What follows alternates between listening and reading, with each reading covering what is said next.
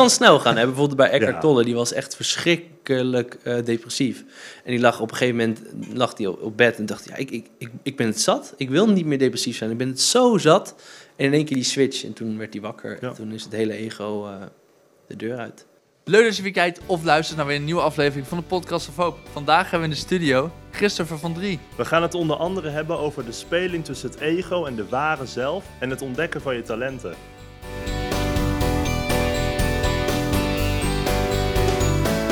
Podcast of Hope, moving towards happiness. Nou, leuk dat je er bent. Ik vind het ook heel leuk om te zijn. Ja, Dank voor de uitnodiging. ja graag gedaan. Zoals je misschien weet gaat onze podcast over geluk. En ja, is geluk een onderwerp wat je veel bezighoudt in het dagelijks leven? Ja, ik ben er wel veel mee bezig. En dan vooral in mezelf eh, ben ik eigenlijk heel snel bewust van... ben ik wel of niet gelukkig op een moment. Dus het is eh, voor mij gemoedstoestand, geluk. Ja. En als dat niet zo is, dan ben ik er wel snel bij bij mezelf om te voelen: oké, hier is iets aan de hand, hier is werk aan de winkel. Ja, precies. En dan ga je er wat aan doen. Ja, En, en hoe voel je dat dan aan aan jezelf? Van nu ben ik, nu gaat het even mis.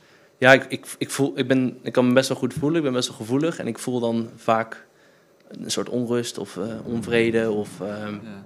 een gevoel van eh, neerslachtigheid of zo. En dan denk ik: oké, er is iets aan de hand, ik moet naar binnen en ik moet kijken eh, waar dit vandaan komt.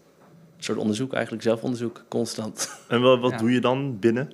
Ja, nee, ik, ik kijk dan naar mijn, eh, naar mijn gedachten. Ik ben eh, in Costa Rica geweest bij Diederik Wolzak. En daar, eh, dat is een eh, spiritueel leraar en die heeft de zes stappen methode ehm, Hm? Oh ja. uitgevonden. En die zes stappen methode die helpt je om te kijken naar bepaalde gedachten die je bent gaan geloven. En als je die maar vaak genoeg gelooft, dan wordt het een overtuiging. Eh, en die zit zo rotsvast. Dus die elke keer als er iets gebeurt, dan word je getriggerd in die overtuiging. Eh, en dus wat ik dan doe op dat moment is, oké, ja, er is een moment geweest, ergens in deze tijdspan van een uur of zo, eh, dat mijn gemoedstoestand is omgeslagen. En eigenlijk heb ik het wel eerder nog door. En dan ga ik kijken, hoe kan dat? Hoe kan dat dat die gemoedstoestand is omgeslagen? Ehm, en dan ga ik kijken naar mijn gedachten. En dan kan ik dat meestal nog wel herleiden. En dan nog ja. de onwaarheid daarvan inzien. En wat, wat zijn die zes stappen dan precies? Want ik ben wel benieuwd. Ja, nou, ik zal ze in het kort even doen. Ja. Eh, de, de eerste stap is van ik voel onvrede. Mhm. Ehm, dus nou, wat ik net zei, dus je voelt je niet helemaal lekker. ja. De tweede stap is het gaat alleen maar over mij. En dat is een stap die mensen heel erg moeilijk vinden, want het is de buitenwereld die ons... Want dat is gewoon meer een statement. Het gaat alleen maar over Ja, jou. dus je moet eigenlijk accepteren Ja, het feit dat het alleen maar over jou gaat. Ja. Ehm, en ja, als je dat dan doet, dan komt de derde stap en dat is voelen. En dat is voor mensen ook best wel een lastig puntje van wat voel ik nou? Hm. Kan je ook benoemen wat je voelt, weet je wel? Oké, je kan me voelen, ik voel, ik voel me kloot of zo, maar dat is geen emotie. Je hebt verdriet, je hebt boosheid, je hebt apathie, je hebt eh, wanhoop. Er zijn heel Ja, veel emoties. ja, ja. Dus eh, wanneer je dat dan eh, hebt eh, gezien in jezelf en hebt gevoeld, dan kun je die emotie kun je herleiden eh, naar een herinnering. Want die emotie, dat is niet een nieuw gevoel, die heb je niet voor het eerst. Dat is een bekend gevoel en die is in de eerste zeven jaar van je leven zijn die eigenlijk ontstaan. Ehm, dus het allereerste moment dat je die emotie bent gaan voelen, die zit nog gekoppeld aan die emotie. Hm. En dan kom je bij een herinnering eh, aan, en bijvoorbeeld dat je gepest werd op school. Eh, en dat je zoveel verdriet voelde. eh, En dat je bent gaan geloven dat je geen liefde waar bent en er niet bij hoort, weet ik veel. En het kan, tot op de dag van vandaag kan dat weer getriggerd worden, aangewakkerd worden. En dat is eigenlijk mijn zelfonderzoek. Ehm, dan heb je dus de overtuiging gevonden. Dus bijvoorbeeld, ik ben niet goed genoeg. Eh, dat is dus de vierde stap. Dus wat heb je over jezelf in die herinnering... Of nee, sorry, de vierde stap is de herinnering zelf.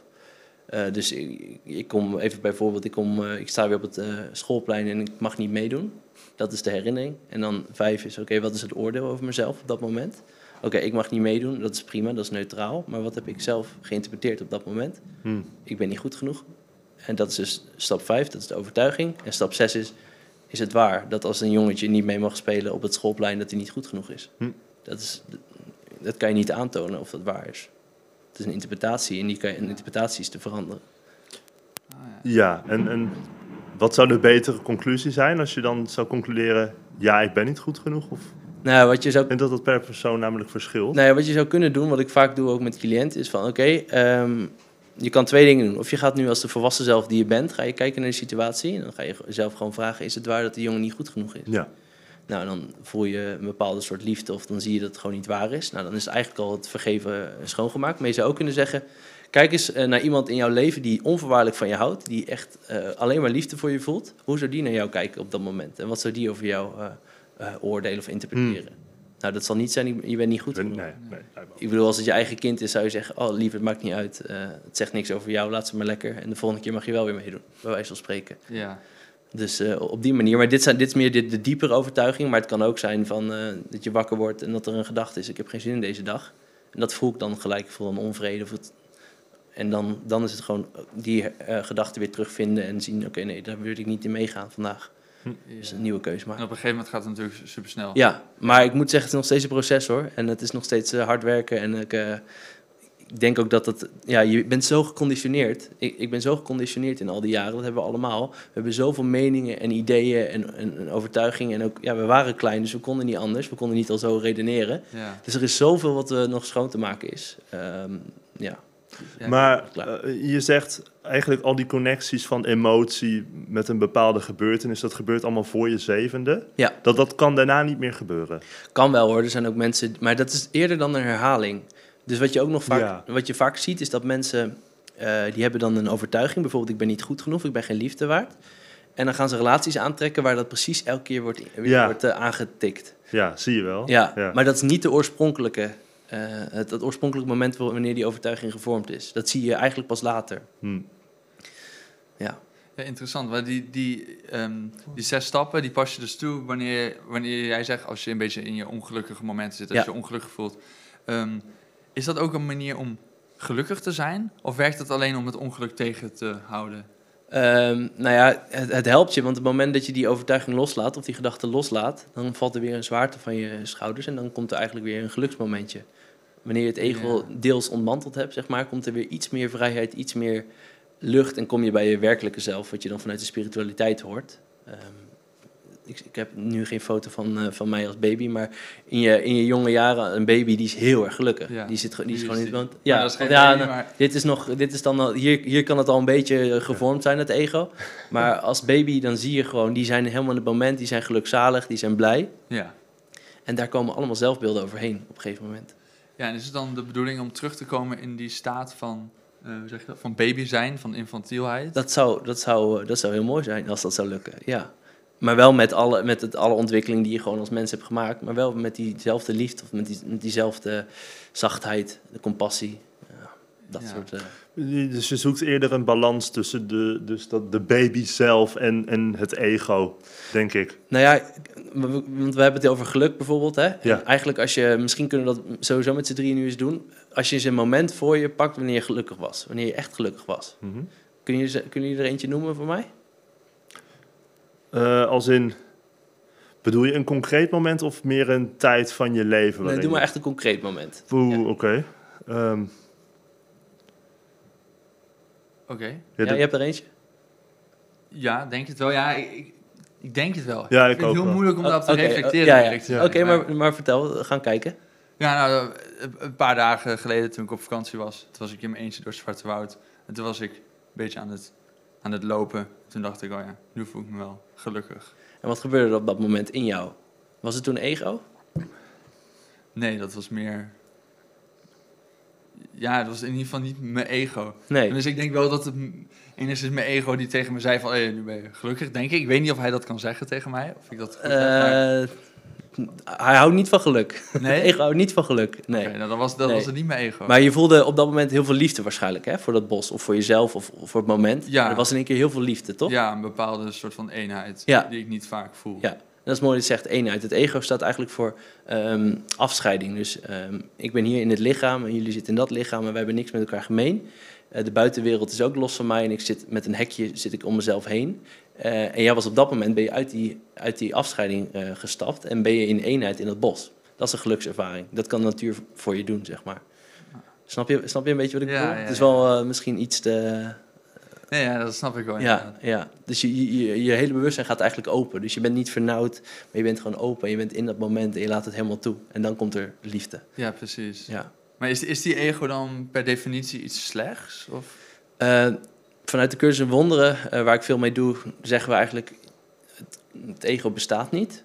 Omdat het ego eh, bestaat alleen als wij er iets eh, mee doen. Dus als wij er een geloof aan hechten. Dus als er bepaalde gedachten langskomen en je gelooft het niet... dan heeft het geen effect. Het heeft alleen effect als jij ze gelooft. Snap je wat ik bedoel? Ja. Mhm. Ja, dus eh, het moment dat ik nu een gedachte langs krijg van, oh, je doet het niet goed, eh, dit gesprek bijvoorbeeld, en ik neem, neem dat eh, waar en ik eh, zeg van, oké, dat klopt tegen wat je zegt, dan voel ik me gelijk onzeker en dan, oh shit, dan ga ik op mijn woorden letten en allemaal dat soort dingen. Ja. Maar als ik dat laat gaan, dan ben ik nog steeds in dezelfde staat als dat ik nu ben. Dus het is aan mij of het ego bestaat, snap je? Ja, ja, ja. Het haalt je gewoon, ja, het haalt je letterlijk uit dat moment. Het Ja. probeert- Ja, interessant. En daarom is het dus betekenisloos, omdat je er... ehm, nee, het, bete- het betekent dus eigenlijk niks. Dus je kan ook niet zeggen het is slecht. Want als je zegt het is slecht, dan, dan geef je er betekenis aan en dan ontstaat het. Fair. Mm, Wat een voorbeeld van mezelf is, ik, ik, het ego gebruik ik meer, hè, want het het is iets dat zegt je doet iets niet goed of je bent ergens niet goed genoeg in. Ja. Maar dat is iets wat ik eerder als een soort van drijfveer zou gebruiken om, om het dan wel beter te kunnen doen. Eh, Dus dan zou ik het juist ook kunnen zien als iets goeds, toch? Op die manier. Ja, Iets wat je gebruikt als een soort van ge- stukje gereedschap eigenlijk. maar zou de drijfveer vanuit je hart of vanuit je passie om het beter te doen niet veel fijner zijn dan een soort drillsergeant die zegt je doet het niet goed genoeg? Ik weet niet of dat kan. Vanuit die. Ja, dat kan wel.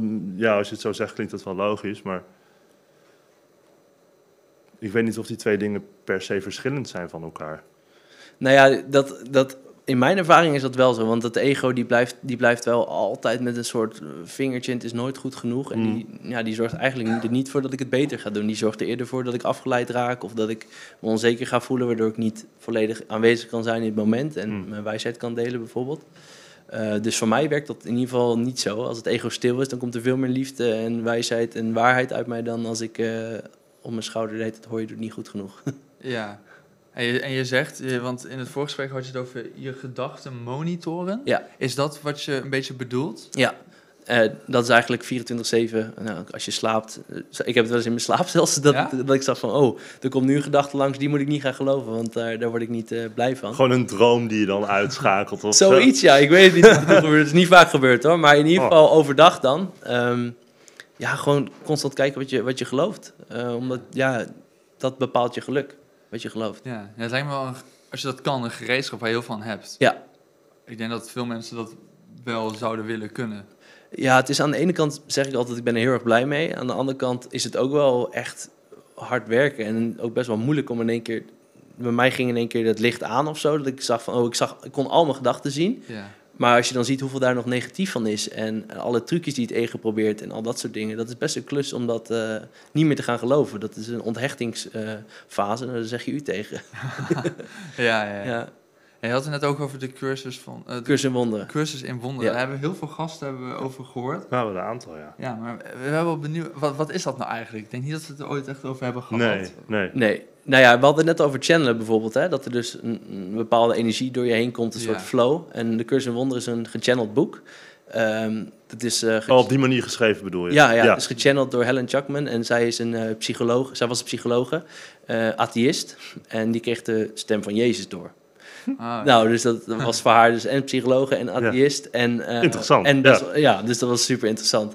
Dus zij is eh, een aantal jaren heeft ze heel veel weerstand gehad om dat, om dat allemaal op te schrijven. En ze had eh, gelukkig iemand naast zich die, die haar elke keer hielp, want die stond ook in hetzelfde proces. Wacht, die weerstand, dat was innerlijk. Dat was Ja, ja ze, hoorde, ze hoorde echt een stem, een innerlijk dictaat. Ze kon letterlijk, eh, als zij een bepaald eh, woord had opgeschreven, toen ze, eh, en ze stopte even en ze ging daarna weer zitten, ging het weer verder. Hmm. Zo, zo hoorde, zij, zij hoorde die stem. En ja, je bent een psycholoog en atheïst, dus ja, je denkt wel eventjes drie keer na over je, of je Ja. niet in een gesticht moet.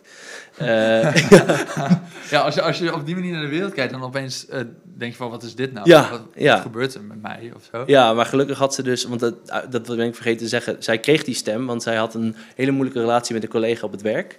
En ehm, zij zeiden op een gegeven moment van, we gaan onze relatie werken. Er moet een andere manier zijn hoe we met elkaar omgaan. En toen kwam kreeg zij die stem en daar is de hele cursus uitgekomen. eh, om te helpen relaties te helen. Dat is eigenlijk wat de cursus doet. Relaties helen, je waarneming van de wereld helen. ehm, niet meer naar je ego luisteren. Hm. Dat is een, En op wat voor manier pakt het dat aan? eh, ja, echt, echt een eh, heel lesprogramma. Dus je hebt 365 lessen. Oh, dat is veel. Ja, dus voor elke dag. Elke dag één, Ja, ja. ja. Ja. En in die lessen staat bijvoorbeeld dat je bepaalde, bijvoorbeeld mijn gedachten betekenen niets. Of ehm, bijvoorbeeld eh gieven, gieven koesteren zorgt ervoor dat de liefde in mij verdwijnt. Allemaal dat soort dingen. En die moet je dan bijvoorbeeld eh, in drie oefenperiodes van 10 minuten moet je, moet je dan gaan zitten, moet je mediteren, moet je die oefeningen doen. En soms moet je ook elk kwartier aan die gedachten denken. En het mooie is, dat lukt helemaal niet en je vergeet het. Ja. En dat laat weer allemaal informatie zien over het ego. Die wil niet dat jij aan die gedachten denkt. Dus het is een, eh, het is een heel diep, diep eh, mindtraining eigenlijk. Ja, ja. Ja, want ik- wilde al vragen, eh, want je, maar je had het toevallig net over dat zij dan de stem van Jezus Ja, doorkregen. ja. Ja, wel, hoe, ehm, hoe dit in verband staat met religie. Ja, nou ja, het is, eh, zeg maar, ze gebruiken ook christelijke terminologie in de cursus, maar de, de, ehm, de uitleg en de bedoeling van de cursus is compleet anders eh, dan hoe het in de religie, zeg maar, Hmm. eh, wordt uitgelegd. In de religie wordt vaak gezegd dat een God buiten ons is, soms ook straffend.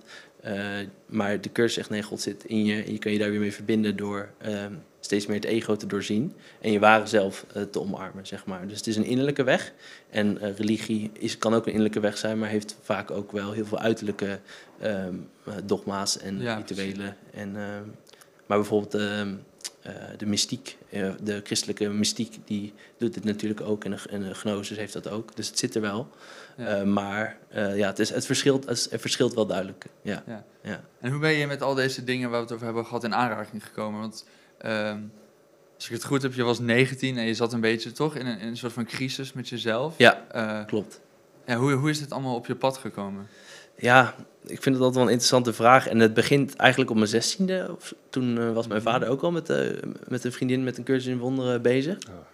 En toen kon ik altijd een beetje op de achtergrond die gesprekken een beetje horen. En toen vond ik het al wel interessant. Het fascineerde me eigenlijk al. En toen, nou, toen ging gewoon verder met mijn leven. En ik heb, dat niet, ik heb het niet opgepakt en ik ben er al mee begonnen.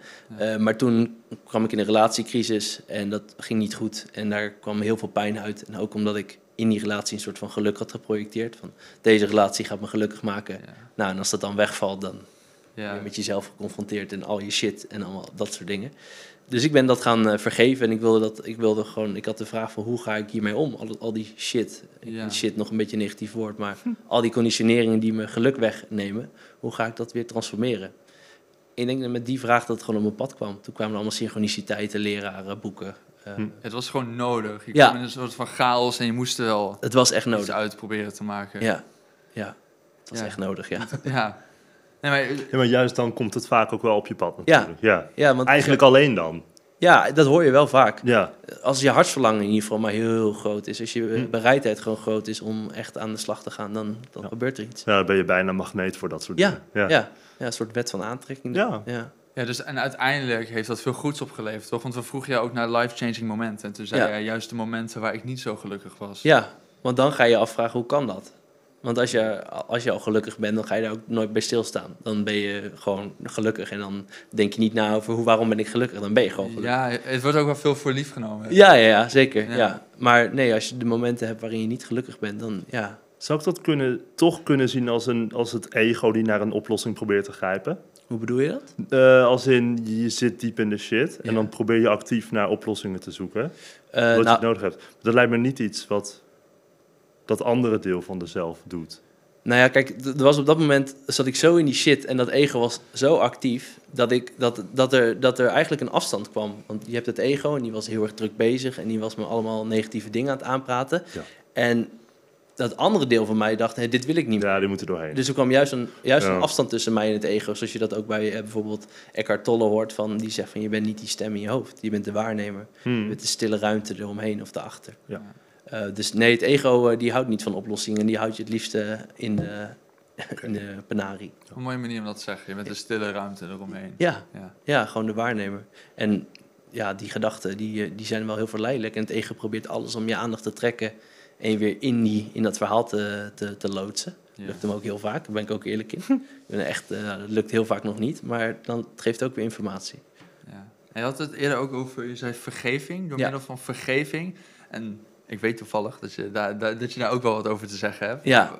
Ja, wat bedoel je daarmee? Door vergeving ben je zo van daaruit geklommen? Of? Klopt, ja. Eh, ehm, waar ik heel veel last van had, is, eh, waren oordelen naar anderen. Mhm. En een boosheid. En eh, ook, voor, ook naar mezelf hoor. Dus niet alleen naar anderen, maar ook eh, naar, eh, naar mezelf. En die oordelen, die zorgden er eigenlijk voor dat ik me ongelukkig voelde, dat ik me niet blij voelde. Maar ik dacht echt dat het de anderen waren. Want die oordelen die zeggen dat de ander iets niet goed doet, dat de ander moet veranderen. En als dat maar verandert, dan ben ik blij. Maar waar ik achter kwam, was het, het zijn die oordelen van mezelf die gewoon heel veel pijn doen. Elke keer als ik iemand, eh, ne- naar, negatief naar iemand kijk, dan draag ik ook negativiteit in mezelf. Ja, zo'n psychologische projectie is Ja, eigenlijk. ja, precies. Projectie was ook echt een term waar ik toen achter kwam. dacht, oh, Ja, Shit. ja dat, dat maakt opeens heel veel duidelijk. ja, dat maakt denk ik heel veel duidelijk. Ja, ja. en eh, toen dacht ik, ja, er moet, er moet ook eigenlijk er moet een andere manier zijn. En toen ging ik gewoon eh, boeken over vergeving lezen. En dan kwam ik er gewoon achter dat je je eigen oordelen los kan laten. En gewoon wat je ook doet, probeer de andere liefde te zien. Want daar heb je ook jezelf gewoon een enorme gunst mee bewezen. Ja. Je geeft jezelf daarmee eh, echt een cadeau. Want daar wilde ik ook net naartoe met de geluksmomenten. Eh, dus er zijn ook heel veel geluksmomenten in mijn leven dat ik heel veel liefde voor iemand anders voelde. En daardoor was ik ook blij. Hm. En hoe komt dat nou? Is omdat je die liefde al in jezelf hebt gevonden. Ja. En dat geeft Ja, ook die project. Ja, die projecteer je ook. Oh. Dat is verliefdheid eigenlijk. Ja, Ja, prachtig Ja, eigenlijk. ja, dat is heel erg mooi. Ja, dus dus die, daarom zeg ik ook altijd, geluk zit in jezelf. En is het zo grappig dat we overal buiten onszelf het aan het zoeken zijn. Maar dat, het werkt niet als het niet in jezelf zit. Dan kan je het niet eens grijpen of herkennen of voelen. Ja. Dus eh, Ja, je herkent het alleen buiten jezelf, omdat Ja. het in jezelf ja, zit. precies. Ja, ja. fijn dat je... Ja, Ja, dat is mooi. ja, ja dat Ja. is het. Ja, mooi. Maar goed, je was hier al best wel vrij jong mee begonnen. Ja. Met best wel serieuze onderwerpen. Klopt. Voor mij ook non-dualiteit en alles. Ja. Ehm, merk je dat er veel mensen van, op, op, op dat moment van jouw leeftijd daarmee bezig waren toen je 16 was? Eh, nou, het was toen ik 19 was hoor. Na die Oké, crisis. 19, Dus, maar pardon. toen ik 16 was het al een beetje in mijn onderbewustzijn aan het Ja. sudderen. Maar eh, nou, dat is weer met dat, eh, dat, mag, dat magnetische, zeg maar. Eh, er, kwam, er kwam in één keer een vriendengroep op mijn pad. Die hier allemaal mee bezig waren met de cursus in wonderen. Ja, is- Dat is zo bijzonder. Die, die één keer per maand kwamen, kwamen ze bij elkaar. Gingen ze hun ego op tafel leggen. gingen ze kijken naar alle thema's waar ze tegenaan liepen. Ik kreeg een leraar op mijn pad. Ik kreeg opleiding op mijn pad. Eh, gewoon door die keuze. Ja, dus het valt allemaal samen. ja, je wordt, het je wordt geholpen eh, op je pad. Dat- ja. Zo, zo, zo was het voor mij in ieder geval. Ik, Herkenbaar wel eigenlijk. ja? Ja, jawel. Ja, ja er is eigenlijk op een bepaald moment in je leven altijd wel een oplossing in de buurt. Dat is zeker waar. Ja. Dat, ja. Ja, je- je- jij verandert zelf. Dus je frequentie verandert, je trilling verandert. En daardoor ga je ook andere trillingen en andere frequenties aantrekken. Dat moet ook wel, dat is gewoon een wet.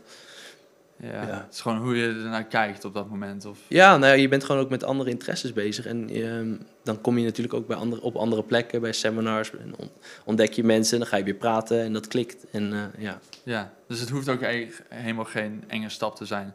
Stel je voor je wilt, je zit in de problemen als je op die leeftijd, als je nu luistert of zo, dat weet ik niet. Nou, het is, het, is, het is zeker geen enge stap. Het is wel een eh, stap die de moeite waard is. En Ja. tegelijkertijd eh, is het ook wel... Ik denk ook niet eens dat je die stap zet. Dat, dat ontstaat gewoon in jezelf. Ja. Op een gegeven moment gaat er iets open en dan wil je er, wil je er gewoon voor gaan. Ja, precies. Ehm, maar ik heb wel mensen om me heen die zeggen van... oh ja, hoe word je nou wakker? Of hoe... Zeg en dan zeg ik gewoon, ja, het feit dat je deze vraag stelt... betekent dat je er al mee bezig bent, toch? Anders dan heb je dat verlangen niet. Het heeft Ja. allemaal met verlangen te maken. Wat verlang je? En ik, ja, ik verlangde dat ik gewoon eh, gelukkiger werd dan toen ik op dat moment was. En dan komen er ook oplossingen. ja, mooi. Ja, we hebben het over een paar dingen gehad die jij, eh, die jij doet. Ehm, ik wil het ook nog over het talentenspel hebben. oh ja leuk. Want daar ben ik wel benieuwd naar. Ook omdat we met HopeXXL ook met jongeren werken. Ik dacht dat we eigenlijk nog niet heel erg op non-dualiteit in waren gegaan. Ja, kan ook. Toch? Maar maakt mij niet uit hoor. Nou, ik, eh, non-dualiteit heb ik al een ander interview, dus we kunnen het over talentspel doen. Dan kunnen we kijken Ook, daarna ja, of prima. de non-dualiteit eh, nog... eh, Allemaal prima. ja, we, we zijn gewoon een beetje aan het eh, s- spitten, toch? Ja, ja, precies. Nee, eh talentenspel, ja, eh, dat is wel iets waar ik eh, heel erg blij mee ben en waar ik nu sinds kort mee werk. Eh, is door mijn mentor eh, Willem Glaudemans eh, ontworpen. En dat spel helpt je eigenlijk om eh, je talenten te ontdekken en ook die te gaan leven. En om te kijken wat voor functie eh, ze in je leven moeten hebben, ja, moeten hebben, kunnen hebben. Ja. Ja. En, en waarom is dat belangrijk? Nou ja, dat, dat is het mooie. Als je, ehm, als je met je talenten bezig bent, dan geeft je dat heel veel voldoening. Ehm, dat geeft je een doel, dat geeft je een purpose. Ehm, je hebt vast wel het gevoel, je kent vast wel het gevoel als je bijvoorbeeld te lang eh, Netflix hebt gekeken. Of, of, of eh, je, je hebt, eh, je hebt drie films gekeken op een dag of zo, weet ik. Dan wordt je hard gelachen. Ja, Zeg maar, ja. ja. Ja, of, of als je een heel mooi stuk hebt geschreven of je hebt, je hebt iets gedaan waar je hard lag en je hebt dat gewoon afgerond. Dat is zo'n verschil in gevoel. ja. Uh, en dat is zo fijn als je weet van dit zijn mijn talenten, dan kan je daarop richten, dan kan je daar je leven op indelen. En dan kan je gewoon ervoor kiezen om iets te gaan doen wat jou die, dat fijne gevoel gaat geven. Maar, toch word je wel altijd heel erg aangetrokken door Ja, Netflix oh en ja. de, de YouTube-video's. vind ik ook nog steeds lastig. En daar zijn ze ook op gebouwd, hè? Om ons- Ja. Ja, ja, dat is ook het ding natuurlijk. Ja, Ja. ja. Maar als je echt duidelijk die talenten hebt en je weet wat ze, wat ze nodig hebben, ehm, dan. In het talentspel ga je ook je talenten echt ehm, ontmoeten. Dus het is eh, vanuit de archetype, hadden we het al in het voorgesprek over, Ja. eh, van Jung. Het zijn eigenlijk talenten in jezelf waar je mee in gesprek kan gaan. En een talent geeft soms aan, ik zou het fijn vinden als je elke dag met mij eh, gaat schilderen. Of als je elke dag met mij in het bos gaat wandelen. Of als je elke dag even, dierenvriend is bijvoorbeeld een archetype. Als je even met een dier iets doet. Dat geven ze gewoon aan in jezelf. Je krijgt daar gewoon antwoorden op. Nou, als je weet dat, dat, dat, eh, dat je talenten dat van je verlangen, dan kun je daar je leven naar inrichten, zeg Mm. maar. Ja, En ehm, hoe weet je wat voor archetype het meest in jou spelen? Ja, nou, dus je begint en er zitten er ongeveer 96 in. Die heeft Willem allemaal een beetje uitgezocht. Mhm. Eh, en die je allemaal in mythes ziet, in sprookjes, in Ja. films. Ehm, en je voelt gewoon van welke resoneert eh, met mij. Want eigenlijk, Ja, ja, ja, ja. dat weet jij misschien ook, eigenlijk zit het allemaal in ons. Ja. Al die archetypen. Alleen sommige die zijn gewoon, ja, die resoneren meer. Of die zijn actueler of die hebben meer eh, lading voor je. Hm. En als je die dan eh, gaat, eh, gaat kiezen, ehm, dan voel je, ik, ik heb dan ja, nee, twijfel of allergie.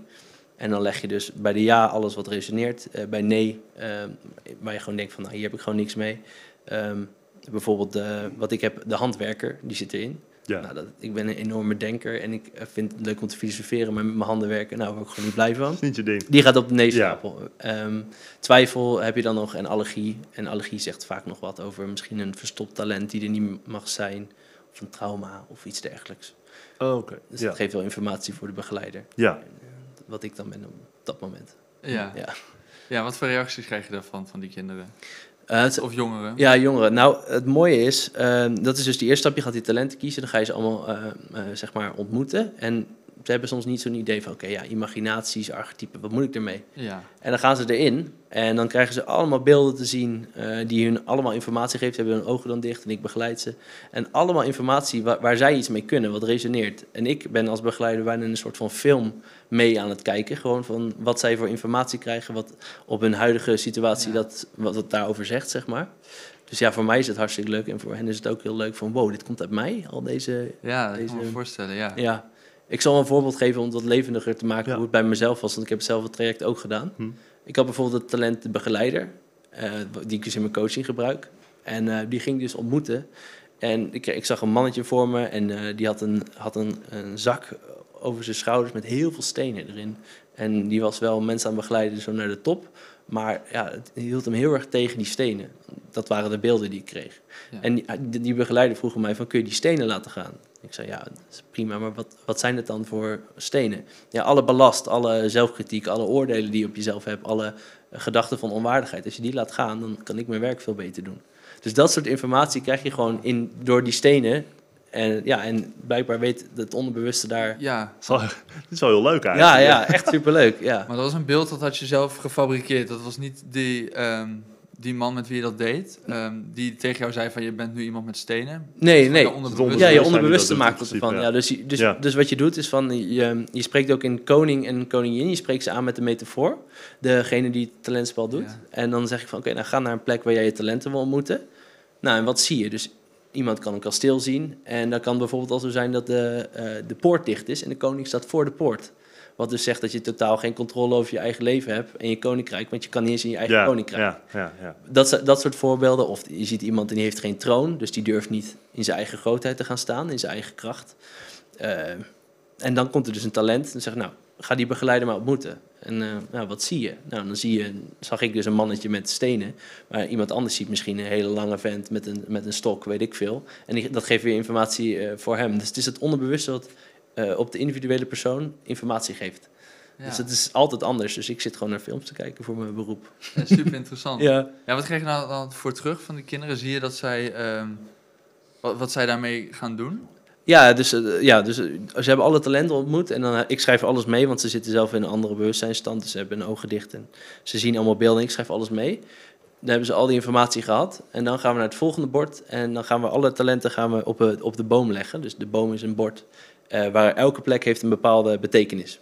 Dus onderaan de boom, als je een beetje aan het archetype van een boom denkt, de stam. Ja. Dat is echt ho- hoe die staat. De vitaliteit, de sapstromen, eh, de verbinding met de aarde. Nou, daar ligt bij mij bijvoorbeeld het talent de vrouw en natuur. Dus wil mijn levensmissie staan, want daar, daar gaan we werken we naartoe in het talentspel, dan moet ik veel buiten zijn, moet ik in de natuur zijn. Dat is een vereiste in mijn leven, zeg maar. En die leg je ook weer ehm, intuïtief neer, die kaartjes, op elke plek. En elke plek heeft weer een betekenis. Dus die informatie krijg je en dan ga je samen op zoek naar een levensmissie. En dat is een formulering van de bovenste drie talenten. Eh, dat is meer bovenaan de top, dus meer de ver- verbinding met het universum en met, de, met de wereld om je heen. Eh, en die talenten geven jou daar informatie over wat je hier komt doen. Ja, ja, het is heel reflectief. Ja, ja, dus bij mij ligt bijvoorbeeld de begeleider, de leermeester en dan de profeet.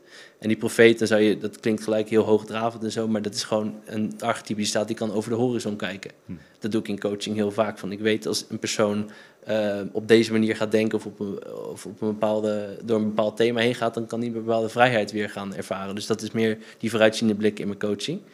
Een leermeester is wat ik dan een podcast, weet je, vertellen, uitleggen en begeleiden is dan coaching. Ja. Ja. En ehm, als je dan erachter komt, stel voor jij bent een profeet, dan jij had nu van, oh ja, dit past wel bij mij. Kan het ook zo zijn dat je in eerste instantie denkt, ja, dit past totaal niet bij jou. Maar dat het Heb ik- eigenlijk, als je verder graaft, toch wel bij jou zou passen. Ehm, heb ik nog niet meegemaakt. eh, maar het zou kunnen zijn dat mensen best wel een beetje... Nou, dat kan, eigenlijk, de mensen die komen zijn ook wel klaar... en hebben ook wel een Ja. bepaald bewustzijnsniveau... dat ze al weten van zichzelf. Want anders resoneren die kaartjes ook niet. En dan resoneert de plek ook niet. En anders had je de profeet ook nooit gekozen. Ja, maar je kiest hem natuurlijk wel zelf. Je kiest hem wel zelf. Ja, inderdaad.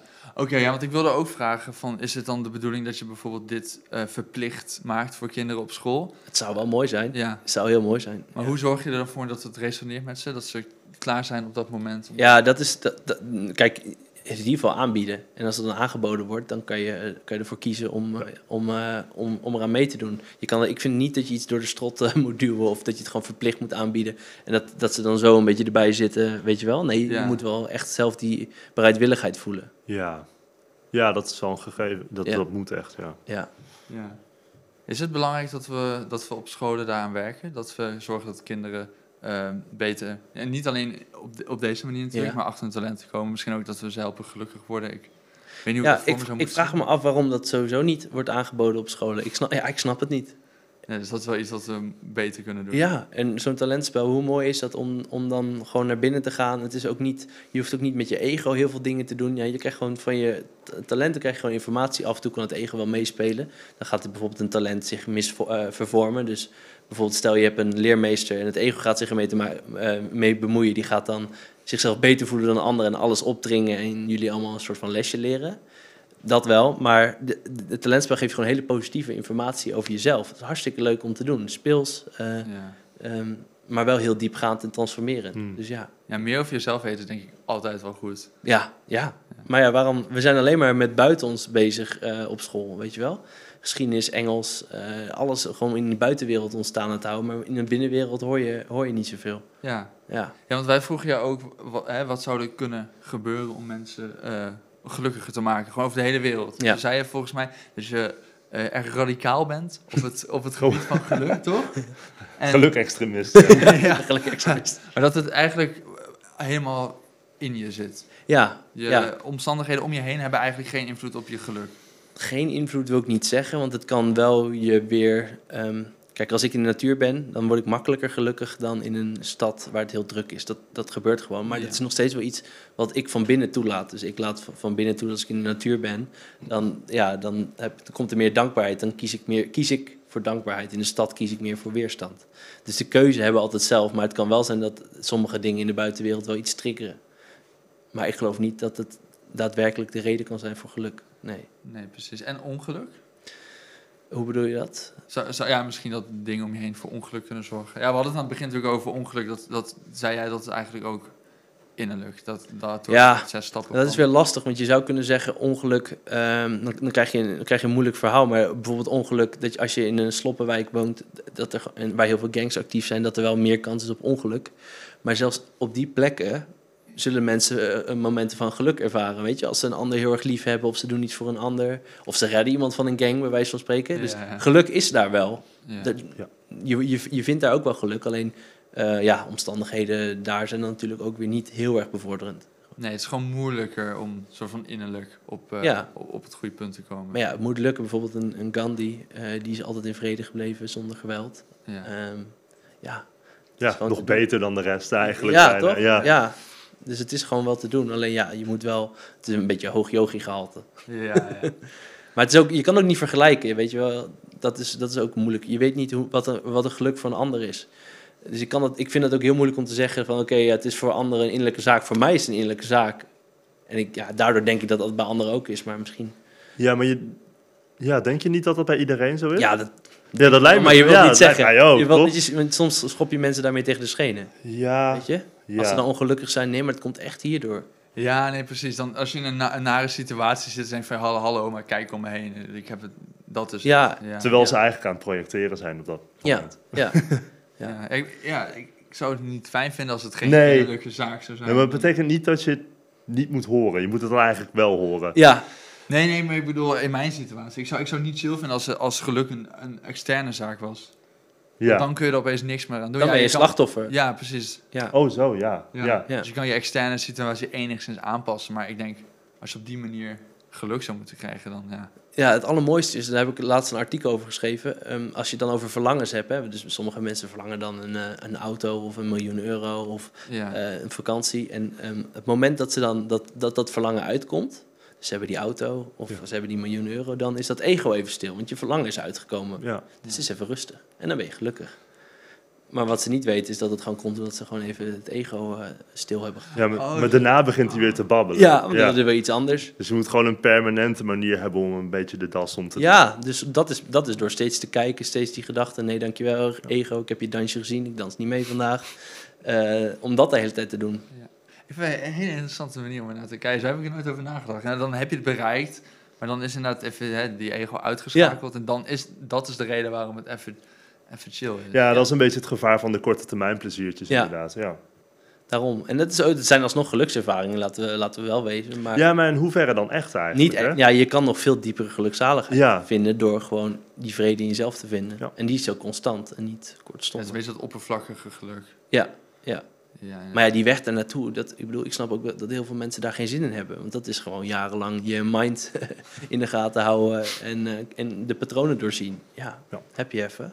Ja, Ja, ja, inderdaad. 50 jaar later. ja. Ik ben eindelijk een keer gelukkig. Nou ja, het, het, het kan, het kan snel gaan. Hè. Bijvoorbeeld bij Eckhart Ja. Tolle, die was echt verschrikkelijk eh, depressief.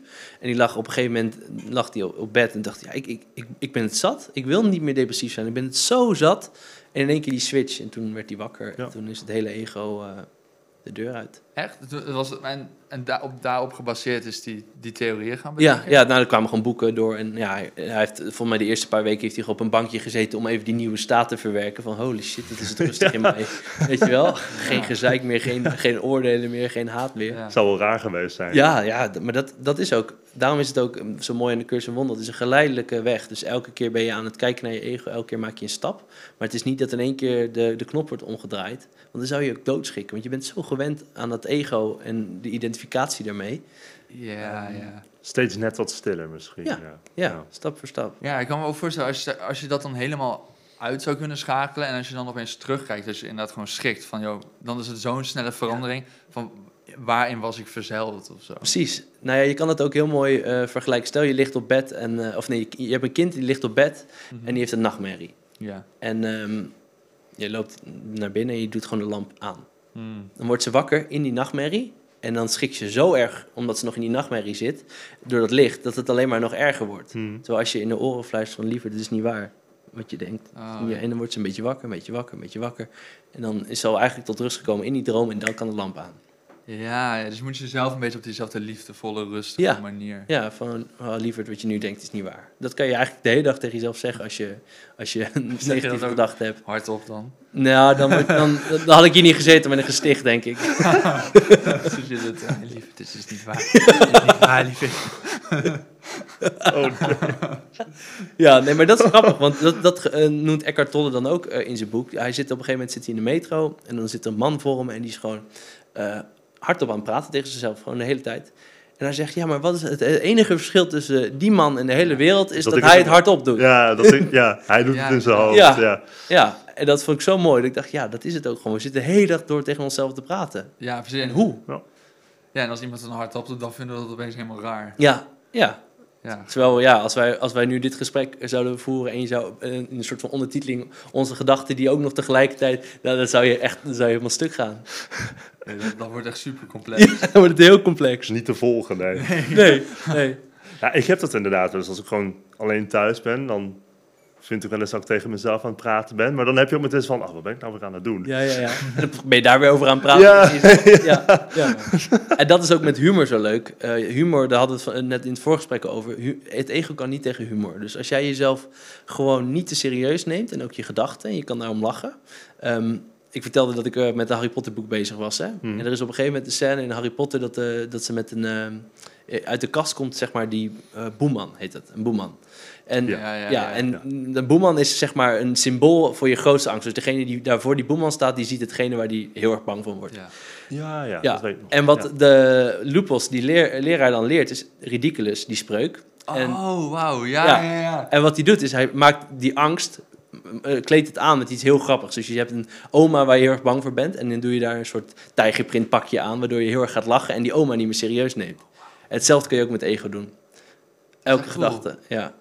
Ja, want we hadden het inderdaad al over hoe, dat er best wel wat genialiteit Ja. in Harry Potter zit. Ja. Als je het een beetje wat, wat, wat, wat minder oppervlakkig bekijkt. Ja. Nu dit ook nog. Ja, ja, cool. dat is fantastisch. En, Van de eh, sprooknaam ook, ja. Ja, ridiculous. Weet je? Want ego is ook ridiculous. Het is gewoon krankzinnig.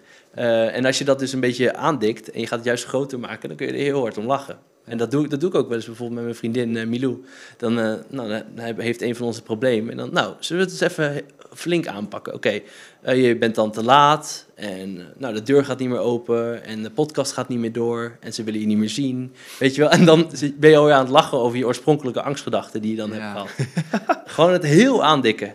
Ja, maar dit is denk ik ook de reden waarom zelfspot een van de leukere vormen van humor is. Ja, Ja. Ja, dat, dat, dat, ja. dat geneest. Lachen geneest. Ja. Heel erg. ja, en zou je wat willen vertellen wa- wat je eh, met dat boek aan het doen bent? Of is dat nog geheim? Nee, ja, nee. Humeurtje?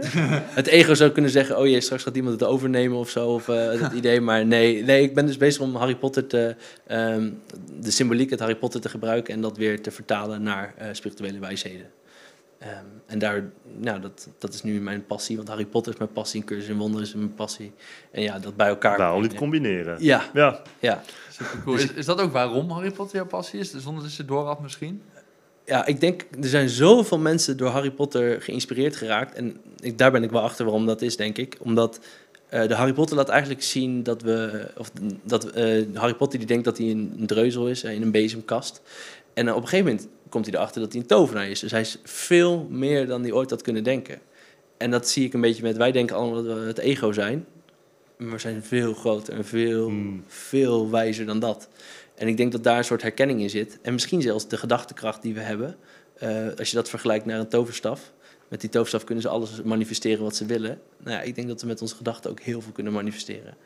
Dus ook in die zin denk ik dat we er herkenning in vinden. Ja, ik ben heel erg benieuwd naar het boek. Ja, nou, ik ook.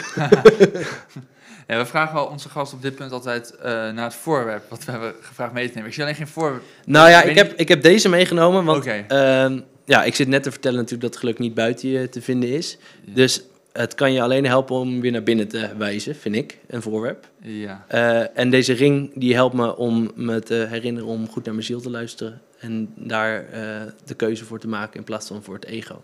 Dus ik heb deze van mijn vader gehad. En eh, deze intentie heb ik in die ring gezet. Van oké, elke keer als ik naar die ring kijk, ja. wees trouw in jezelf. en een je stukje symboliek geworden. Ja, een stukje Ja. symboliek. Ja, En dat heb je gewoon Gaaf. voor jezelf gezegd van dit, deze ring staat nu hier. Ja. En elke ja. keer als ik hem zie, dan precies. bijna een soort van herinnering. Ja, ja, van, oh ja. Eventjes herinneren dat eh, om weer verstil te worden, even goed te luisteren wat de bedoeling is. Eigenlijk een soort van toverspreuk over uitgesproken. Ja, dat zou je wel kunnen zeggen. Ja. ja, ja, ja, mooi. Ja. Ja. Nou ja, als, als afsluiten vragen we altijd of onze gasten een tip hebben voor iedereen die luistert. Waar ze misschien gelukkig van kunnen worden, inspiratie uit kunnen halen. En bij deze. Oké, nou de, de tip denk ik zal voor mij zijn, ga liefhebben. Ga liefhebben. Ik eh, was in eh, Costa Rica, eh, maar die negen weken, die zes stappen methode. En er was een jongen, die was zwaar depressief. En Diederik, de begeleider daar, die zei, ehm, want hij ging naar huis. En hij zei, de komende drie weken iedereen die jij op straat ziet, ga voelen en ga zeggen: Ik hou van je. Niet hardop, want dan, Ja, oh ja, dat, dat weer. ja, dan krijg je dat weer. Maar Ik ga zeggen, ga zeggen: Ik hou van je. Of voel in ieder geval die liefde voor de ander. Want wat er dan gebeurt, is dan wek je het voor jezelf ook op. En dan gaat de depressie weg. Die depressie kan niet bestaan in die liefde. Dus ja, wil je geluk, ga lief hebben. Prachtig. Duidelijk, ja. Ja, nou, leuk dat je daar bent gekomen. Ja, nou, dankjewel. En eh, ik vond het heel leuk met jullie. Ja, top. Thanks. Bedankt voor het kijken of luisteren naar deze aflevering van de Podcast of Hoop. We hopen dat je ervan hebt genoten of misschien wel geïnspireerd door bent geraakt. Iedere zondag om 10 uur komt er een nieuwe aflevering online op YouTube, Spotify en op al je andere favoriete podcast apps. Ook kun je ons vinden op www.podcastofhoop.nl. Tot ziens en veel geluk. De wereld waarin we leven biedt nog geen gelijke kansen. Voldoende eten en drinken. Een adequate opleiding. Goede gezondheidszorg. Vrede en geluk is niet voor iedereen weggelegd. Maar stap voor stap wordt het beter. En zijn we op weg naar een octopische samenleving waarin iedereen zijn of haar leven als goed kan beschouwen. Het is een lange reis, maar we zijn op weg. Podcast of Hope. Moving towards happiness.